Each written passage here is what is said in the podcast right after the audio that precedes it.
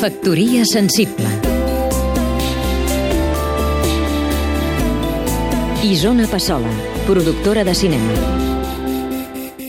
La irrupció d'internet ha permès escapar-nos de la misèria cultural a què se'ns ha sotmès gràcies a formes de microfinançament que són formes petites de recaptació col·lectiva.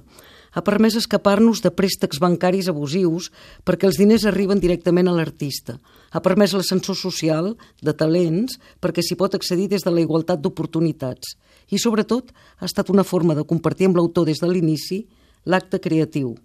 El 70% de projectes de micromecenatge que es fan a l'Estat es fan a través de plataformes catalanes i el 2013 han mogut en total 20 milions d'euros. És un sistema transparent que en aquesta Catalunya civil ja connectadíssima en xarxa, que ha fet servir sempre la cultura com a defensa, ha estat fantàstic.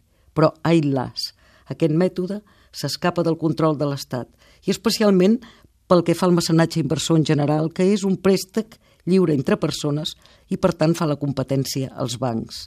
L'Estat que ens mana vol tirar endavant una llei que farà pagar al micromecenatge inversor l'impost de transmissions, que limita 6.000 euros les aportacions a cada plataforma al llarg d'un any i que accepten els llibres, en cultura, cobra el 21% de l'IVA.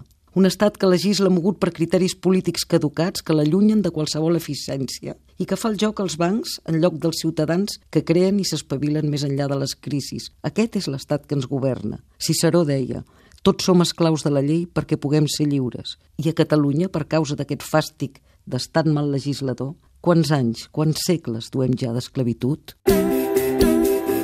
Factoria sensible Seguim-nos també a catradio.cat